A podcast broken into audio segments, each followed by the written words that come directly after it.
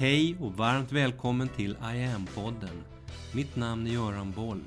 Här kommer jag varje vecka att presentera, utveckla tankar kring och polera på en ny facett av denna märkliga, mäktiga ädelsten vi kallar yoga. Yoga är en mångtusenårig metod för fysiskt, mentalt och även andligt växande. Som ur en väldigt traditionell kontext inte bara överlevt i tusentals år. Yoga idag består av runt 300 olika former och varianter som enligt en brittisk studie 2019 numera är den populäraste träningsformen i 75 av världens länder. Inte så illa för ett system vars grundsyfte är och har varit att skapa balans mellan kropp och sinne, kropp och själ, hälsa och medvetenhet. Ett yogapass kan vara oerhört fysiskt krävande, men det kan också vara mjukt och meditativt. Olika typer av yoga löper över olika lång tid, från ett antal minuter upp till flera timmar. Yoga kan innebära många olika saker och se ut på många olika sätt beroende på vilken yogaform du väljer. Det kan vara akrobatiskt, väldigt svettiga övningar i 40 graders värme.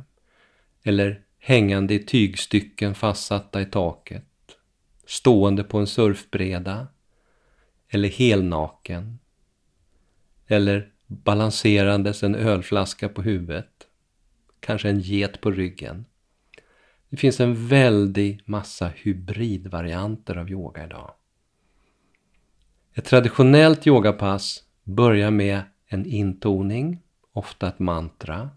Sen följer x antal övningar i sittande, liggande, på alla fyra, stående och så vidare. Där du böjer, töjer, vrider och vänder på kroppen på olika sätt. En grundbult har alltid varit att yoga inte ska göra ont. Det ska aldrig medföra vass fysisk smärta. Det finns ett bra uttryck att hålla sig till som säger Gör det vasst ont så är det inte yoga. Efter blocket med övningar så är det en stunds djupavslappning som sen följs av meditation och så avslutas passet med någon form av uttoning. Ibland spelas musik under yogapasset, i andra yogasalar är det helt tyst. Ibland ska man ha ögonen öppna och på andra ställen ska man blunda. En del former använder hjälpmedel i form av kuddar, bolster, stödblock, spännband med mera. Andra inte.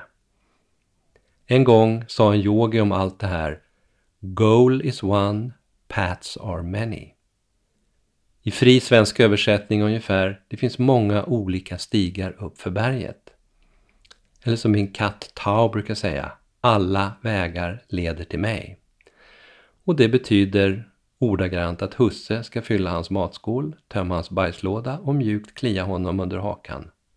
Ofta. Detta är människans slutmål, då vistas hon i sin sanna natur, säger Tao. Efter blocket med övningar är det dags för djupavslappning på rygg. Dödsstilla positionen eller savasana. Det finns forskning som visar på positiva förändringar i hjärnan av det här. Du sjunker in i en slags dvala mellan sömn och vakenhet. Du är medveten men djupt, djupt avslappnad. Ditt system går ner i varv. Du slappnar av. Kroppens egna läkeprocesser går igång. Du drar in, du drar tillbaka dina sinnen från omgivningen och ett allt djupare, mer medvetet lugn byggs upp inom dig. Och i vilan så sköter andningen sig själv. Traditionellt sett avslutas alltid yogapasset med en stunds meditation. Yogiskt så ses det som själva huvudnumret, meditationen. Yogaövningarna anses som ett preludium, en förberedelse inför den viktiga delen, meditationen. Vars syfte är att skapa utrymme för något djupare inom dig. öppna upp något väsentligt, bortom förnuftstänkandet.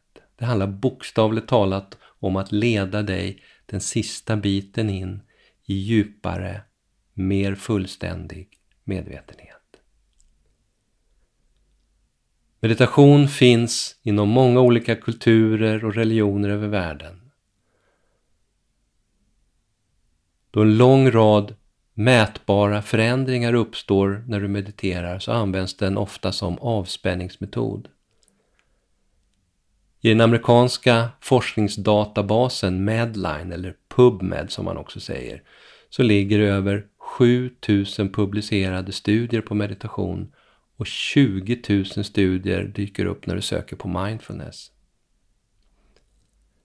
Det finns många olika sätt att meditera. Ett av de mest centrala det är att utveckla och kultivera förmågan att stilla sig. Att i tystnad uppleva och uppfatta allt mer subtila aspekter av sig själv och sitt inre. Aspekter som alltid har funnits där men som normalt sett drunknar i allt vardagsbrus. Varför är det så viktigt då att lyssna till det subtila? Det är för att kropp och sinne styrs därifrån. Från det som yogan kallar den subtila kroppen. Det oupplösta, det obearbetade som finns djupt där inne påverkar hälsan och hindrar dig från att nå en djupare medvetenhet. Hindrar den från att lyfta och lyftas upp inom dig själv. Allt vi gör i yogapasset har effekt utifrån en lång rad olika holistiska synsätt. Hur jag koordinerar mina kroppsrörelser, med olika andningstekniker, håller ett fokus, vibrerar mantra, strävar att bibehålla närvaro. Vilostunderna mellan de olika övningarna, meditationen, allt är som ett pussel.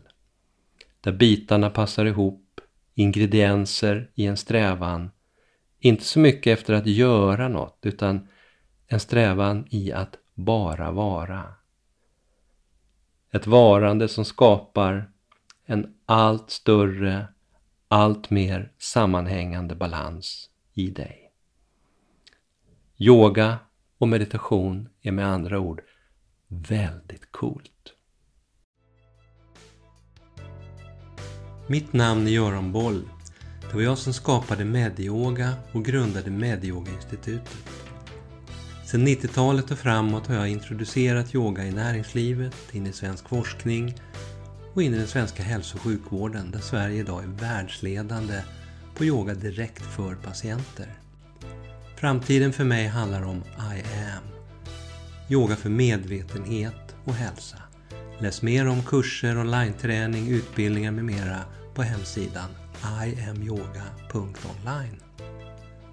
Följ oss gärna på sociala medier och tycker du om de här poddarna så tar jag tacksamt emot om du vill gå in på iTunes, Spotify och där poddar finns och ge mig ett betyg så vi blir fler som hittar in i yogans värld. Tack för att du lyssnar och delar.